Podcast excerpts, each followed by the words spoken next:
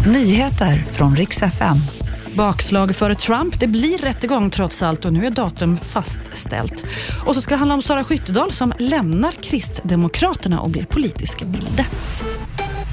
Det ser ut att bli ett rejält bakslag för Donald Trump och nu blir det rättegång för den amerikanska ex-presidenten som inleds ganska snart den 25 mars, skriver New York Times. Och Det här gäller anklagelser om att han har försökt betala och tysta porrskådespelerskan Stormy Daniels. Trump har tidigare begärt att det här ska läggas ner. Det blir ingenting med det utan datum är nu fastställt för rättegång. Sara Skyttedal lämnar Kristdemokraterna och ska bli politisk vilde.